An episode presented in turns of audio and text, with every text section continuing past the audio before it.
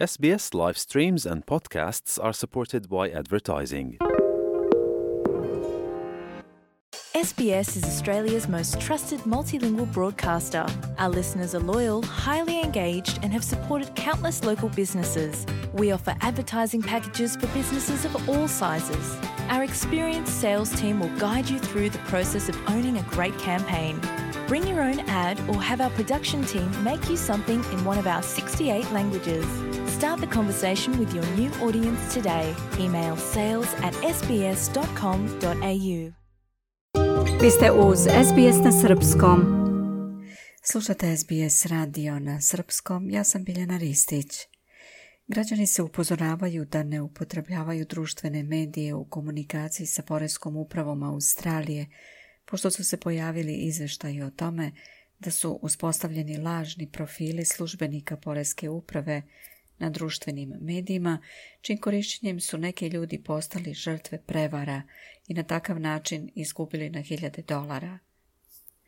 Ovo je najnovija prevara koja cilja građane koji se oslanjaju na društvene medije kada traže pomoć od Poreske uprave Australije. Sa profila na kojima se lažno koriste imena službenika Poreske uprave šalju se direktne poruke ljudima na njihove profile ili se postavljaju komentari na njihove postove, a potim se kradu njihove lične informacije. Poreska uprava sada sarađuje sa kompanijama, odnosno platformama društvenih medija, u nastojanju da se ti nalozi ponište, ali to je vrlo teška bitka. Tim Loh je pomoćnik komesara Poreske uprave. we need uh, is the help from the public to make sure you stay vigilant while we close these accounts.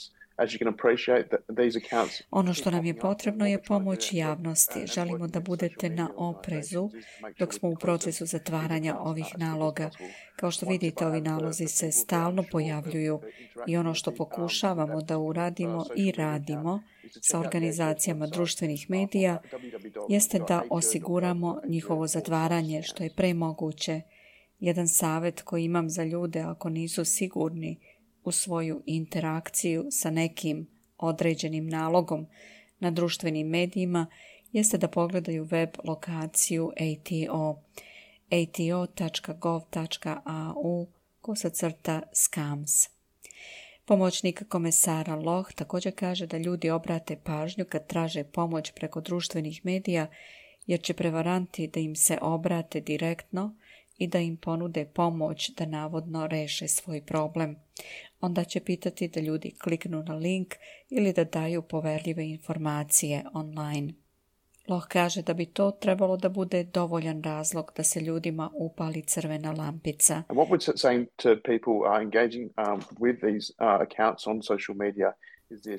Ono što ljudima uvek kažemo je da ATO nikada neće pitati da date svoje lične podatke na društvenim medijima.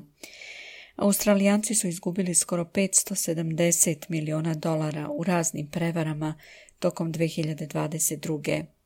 Investicione prevare su većinom bile razlog da ljudi gube novac, ali ljudi su najviše prijavljivali takozvani phishing, lažno fakturisanje i prevare tokom online kupovina – Skoro 16.000 prijava se odnosilo na lažno predstavljanje kada su se prevaranti predstavljali kao službenici Poreske uprave tokom kojih je otuđeno oko 80.000 dolara i dovedeni u rizik poverljivi podaci. Najvećim delom su prevare prijavljivali ljudi iznad 65 godina starosti. Profesor Niger Fair je stručnjak za kibernetičku bezbednost na Monaš univerzitetu. On kaže da je ova nova taktika prevaranata dodatni izazov za one koji sprovode zakon.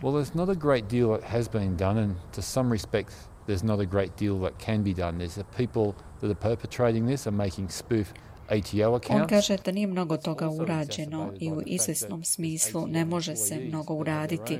Ljudi koji ovo čine kreiraju lažne ATO naloge. To je također pokošano činjenicom da postoje zaposleni u ATO koji imaju svoje naloge na društvenim mrežama, koji su javni i na kojima je navedeno njihovo radno mesto, tako da kriminalci koriste taj stepen legitimiteta. Poreska uprava savjetuje svojim klijentima da obrate pažnju na plavu kvačicu na društvenim profilima, kao orijentaciju da li je to verifikovan službeni profil, ali profesor Fair kaže da čak ni to ne može da pruži potpunu sigurnost. You can buy the blue tick off Twitter. It doesn't really verify the legitimacy or otherwise of the account. I think people when they look at government accounts they need to look at the URL involved. Možete kupiti plavu kvačicu na Twitteru. To zapravo ne potvrđuje legitimnost naloga. Mislim da je bolje da ljudi kada pregledaju vladine naloge provere i URL adresu moraju da kliknu opciju nazad da vide gdje će ih to vratiti. Moraju također da počnu da razmišljaju da postoje drugi načini za interakciju sa vladinim agencijama. Isto tako te vladine agencije treba da razmisle o načinima na koje komuniciraju sa klijentima, kaže on. I kao i uvek, ljudi se upozoravaju na stalni oprez kad su online, piše s Kuzi za SBS News.